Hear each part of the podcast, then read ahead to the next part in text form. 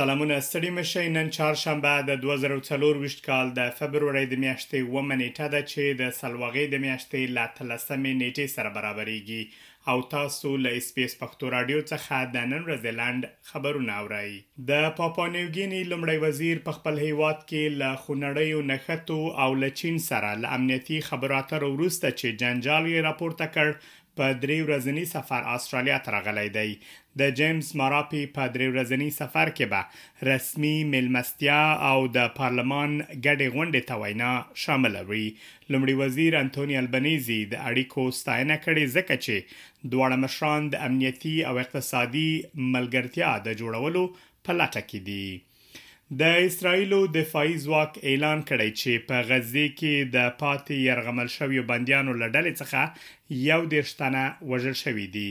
د اسراییلو له دفاعي ځواکونو څخه دانیل هجري په یوې خبري ناسته کې ویلي چې دفاعي ځواکونه د وژل شویو کسانو له کورنیو سره په تماس کې دي.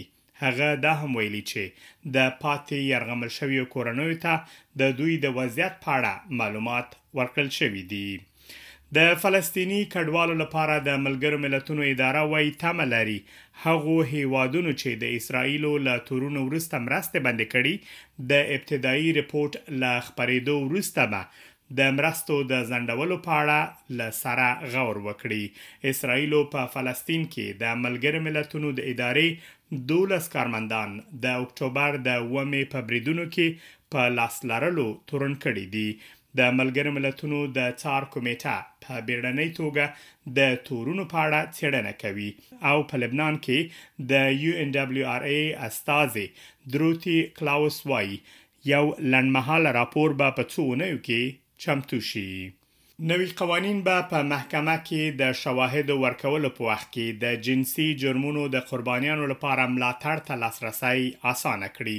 لوی څارنوال مارک ډریفیوسیس فدرالي پارلمان ته یو لړ اقدامات معرفي کړي دي ترڅو هغه لارې په ګوته کړي چې د عدالت پروسه اکثراً قربانیان قربانیانو ته یو ځل بیا صدمه رسوي، بالغ شکایت کوونکي به وکولای شي د هغو جرمونو لپاره د زیان منونکي شواهدو خوندیتوب ته لاسرسی ومومي چې د ماشومتوب په وخت کې ترسره شوي دي.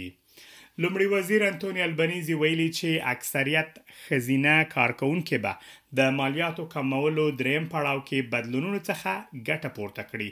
ښاغلي البنیزي د چهارشنبې په ورځ په اډیلیډ کې له یو شمېر نورو سناتورانو او وکیلانو سره په هغې ناسته کې ګډون کړی چې د ملګرو ملتونو د ښځو د څانګې له خوا جوړه شوې وه.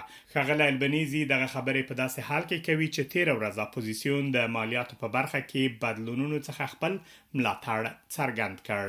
دا وه د نن ورځې لنډ خبرونه چې ما مجیب منیب تاسو ته وړاندې کړل. تر بیا مو الله مل شه.